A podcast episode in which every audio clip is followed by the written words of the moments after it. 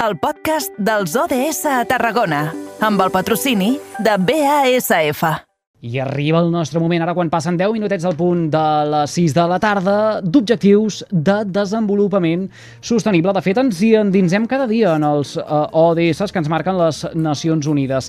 Per passar revista, tenim ja els estudis de la nova ràdio de Reus el nostre company Aleix Pérez. Aleix, bona tarda, bon dilluns. Molt bona tarda, Eduard. Com estàs? Anem, anem de bolit avui. És un dia una Avui, mica home, boig. i, sí, hi ha últimes hores que eh, tenim l'obligació de uh, cobrir. Escolta, els ODS, però, no fallen mai en aquest programa, perquè ens agrada anar traçant aquest eh, camí amb la mirada posada a l'any 2030. I avui, eh, qüestió que ha causat molt de rebombori. Exacte, és, és un, és un d'aquests temes que per xarxes socials ha causat molt rebombori, que és la presència i l'existència i la creació de les intel·ligències artificials. Des de la Universitat Rovira i Virgília han intentat posar una mica de llum, hem celebrat unes jornades on es va analitzar una mica l'impacte d'aquestes dins del sistema educatiu. Per encabir-ho dintre de l'agenda del 2030 ho podem posar en l'ODS número 4, dedicat a l'educació de qualitat. I per parlar de tot plegat i de com van anar aquestes jornades tenim el Toni Pérez Portavella, que també és membre del Departament de Comunicació de la URB. Molt bona tarda. Molt bona tarda, encantat de, de parlar amb vosaltres, alguns ja us conec, i és un plaer, un plaer parlar d'un tema que, que això, que causa impacte. Mm, Exacte, a més les jornades van arrencar amb una pregunta, una, una dicotomia, no? La, intel la intel·ligència artificial era una amenaça o era una oportunitat per, per aprendre, per, per ajudar a, a aprendre? Clar, eh, en un primer moment, sobretot al mes de gener, febrer, amb, el, amb la eclosió del xat GPT, el, els docents van veure que estava amenaçat la seva manera, la seva metodologia de com eh, podrien ells formular o seguir l'aprenentatge dels estudiants. Però ara estem veient que també hi ha moltes oportunitats. Entonces, s'obre el debat de com utilitzar la intel·ligència artificial dins de les aules i dins de l'aprenentatge. Clar, i sobretot perquè és, és això, és, és, és molt recent, acaba de- de- d'arribar, com qui diu, a la, al dia a dia de, de, de la població i dels estudiants, també dels professors, també una mica com es vertebra unes jornades així, com, quins són els, els punts d'anàlisi o què, o què es Mira, importants. Per, per, fer, per fer-te una idea de, la, de com va ser la jornada, nosaltres la vam anunciar un dilluns i el dimecres ja teníem 300 docents apuntats de totes les etapes educatives. Nosaltres a l'ICE, a l'Institut de Ciències d'Educació de la Universitat, eh, eh, donem formació a totes les etapes i vam fer una jornada eh, interetapes. I van venir professors de primària, de secundària, d'FP, d'universitat, perquè és un tema que ara ens pertoca a tothom, com afrontar o com preparar-nos per la irrupció de la intel·ligència artificial. Pues el tractament de la intel·ligència artificial veiem que hi ha un àmbit que és el metodològic, és a dir, que el docent es pot plantejar altres activitats per fer als seus estudiants que siguin més atractives, que ara podem comentar si voleu. Després també hi ha com un recurs que ajuda al docent a fer la seva acció com a docent, per exemple, a tutories automatitzades, per exemple, a respondre a correus electrònics diguem, de manera gairebé automatitzada, etc. No? O sigui que li ajuda al docent a fer les seves tasques, a fer presentacions automàtiques sobre un tema determinat, no hi ha dubte que aquí hi ha, hi ha molta ajuda, i després per l'estudiant, perquè l'estudiant té una eina ara per autoformar-se i, eh, i de ser més conscient de quins són els nivells que poden tenir en diferents àmbits de l'aprenentatge per continuar endavant en el seu aprenentatge. Això seria en l'àmbit més eh, docent, però en l'àmbit creatiu ja ni t'explico, no? perquè des de guions de pel·lícules, retocs d'imatges automàtiques, creació de logos eh, eh, immediats, eh, hi ha una capacitat de creació enorme que ara entre tots ens haurem de preparar i enfrontar-nos, no? perquè ja, ja està arribant i sobretot lo hem vist en estudiants de, de secundària, ha arribat molt fort a secundària i en la universitat encara no ens adonem, però l'impacte que, que ja té en, molts centres de se- secundària, per exemple, en la jornada van venir del Comte de Rius, del Calípolis, l'Institut Calípolis, o, o altres eh, instituts que ens van explicar ja com els estudiants està canviant la seva manera de respondre als treballs i de fer accions que abans les feien d'una manera i ara, i ara d'una altra, no? Clar. I això que comentes, ha de replantejar llavors la manera o el concepte en el que potser s'encarrega els deures o la feina o, o, o pot ser complementari? és, eh, nosaltres, bueno, hi ha molts que ja considerem que això és un canvi de paradigma. Eh, jo personalment ho veig una oportunitat per canviar la metodologia docent.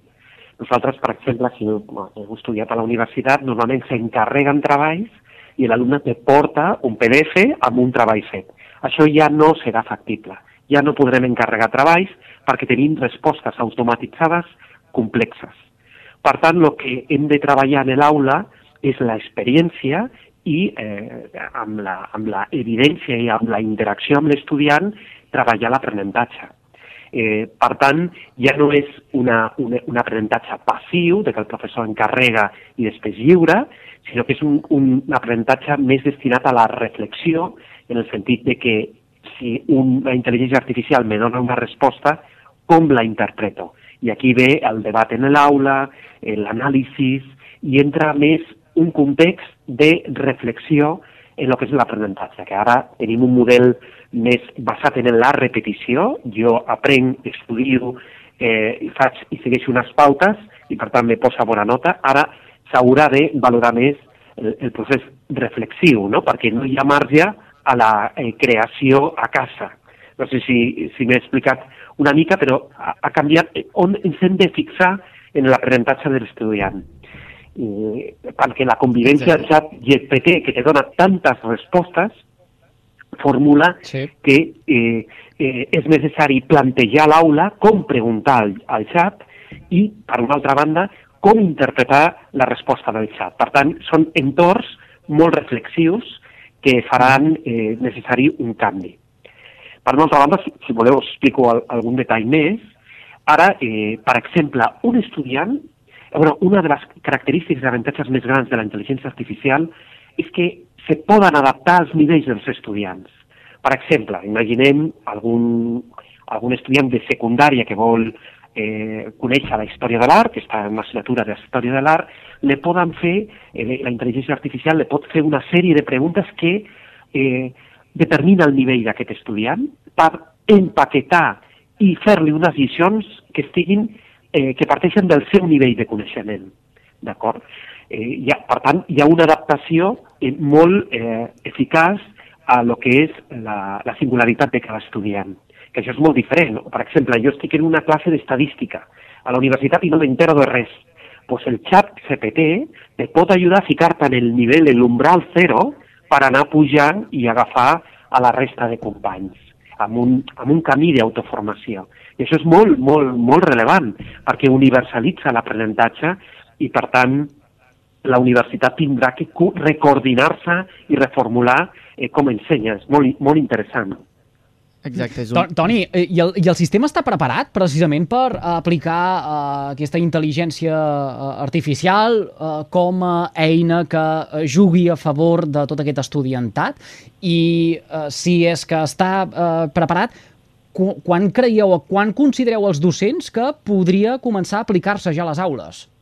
Eh, bueno, eh, ja s'està aplicant en bastant aules, eh, per exemple, a secundària i FT ja tenen un, un espai que es diu el NUS, on els docents ja van eh, mostrant les seves eh, canvis metodològics que estan fent a l'aula, eh, de lo que feien abans, com encarregaven treballs abans i ara el que estan fent per aconseguir el mateix resultat d'aprenentatge. A la universitat tot va més lent, però estem impactats. De fet, ara eh, s'obre una xarxa de docents, eh, una xarxa estratègica de la universitat que ens reuneix a docents de diverses disciplines, on analitzem els canvis metodològics, analitzem l'eficàcia, però tot i això no tenim encara eh, la, la predicció de com serà el veritable impacte, però jo crec que serà enorme, perquè cada mes que passa surten més aplicacions, més possibilitats, i et dona mil voltes a l'experiència d'una aula tradicional.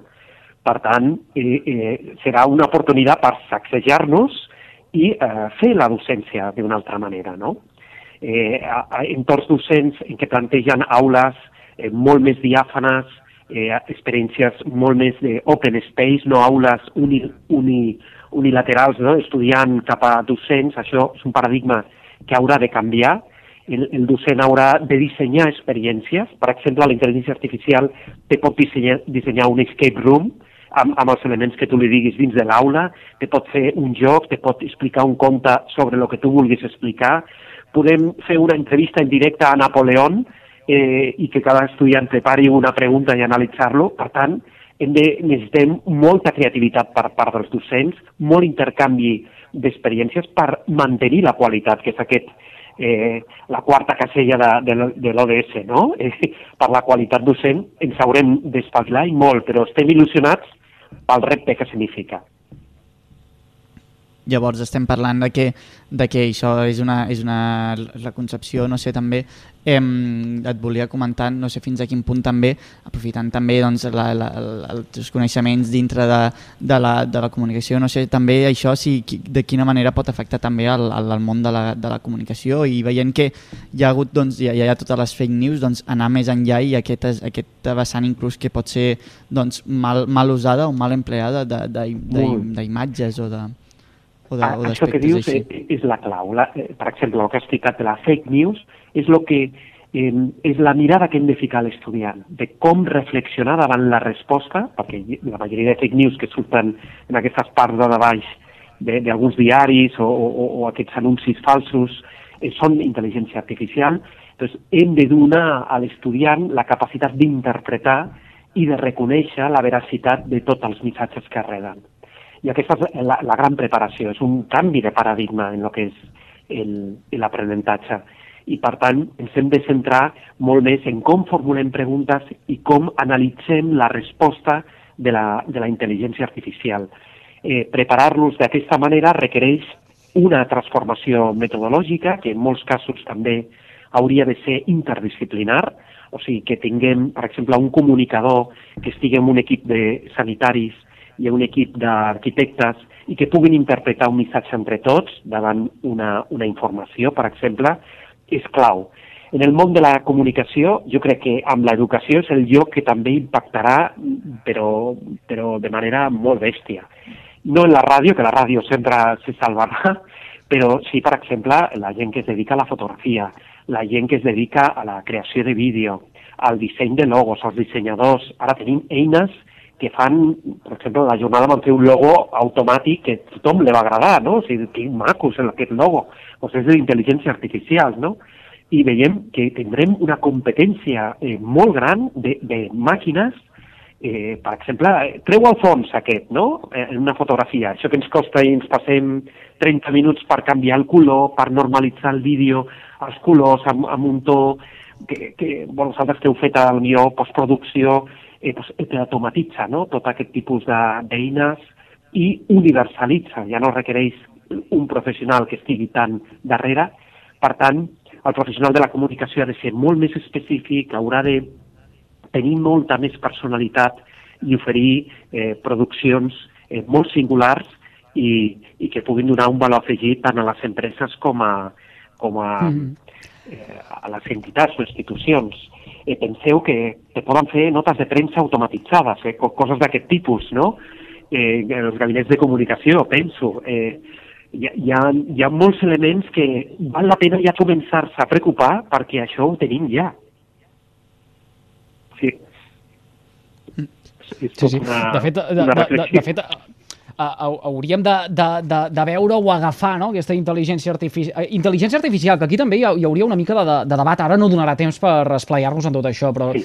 però eh, eh, és, és interessant almenys reflexionar sobre si eh, eh, se li ha de dir o l'hem de definir com a intel·ligència artificial o, o realment la intel·ligència artificial no existeix, perquè la intel·ligència és natural. Jo ara aquí no vull obrir més melons, eh, Toni, perquè el debat seria molt interessant i molt, i molt ric, però, però no tindríem prou temps. Eh, i, i després una altra cosa, que és uh, uh, l'ús d'aquesta mal o ben anomenada, segons cadascú, intel·ligència artificial com a eina de ser prou llestos també com a comunicadors, com a professionals uh, de la comunicació, eh, de, de, de dir, de fer públic o de manifestar quan realment aquesta eina ens està eh, ajudant. I d'això, per exemple, en vam ser testimonis en les passades eleccions municipals el 28 de maig. Eh, sí. La Corporació Catalana de Mitjans Audiovisuals l'únic que feia era introduir dades i la intel·ligència artificial redactava uns textos, unes eh, notícies per cada població eh, en base a allò que eh, una gent havia introduït a, a, en uns ordinadors eh, s'especificava aquest text ha estat redactat per eh, tal programari eh, fruit de la Sí, sí, intel·ligència artificial. Vull dir que al, al final és una ajuda també. Que, que, Clar, clar, que, clar. Que, Aquí, aquí m'imagino que s'havien incorporat el nom dels candidats, no?, i depenent dels escons ja te fa la notícia de, de manera eh, dirigida, no?, i específica. És molt interessant. A mi hi ha un terme que m'agrada molt, no?, que és no intel·ligència artificial, sinó intel·ligència augmentada.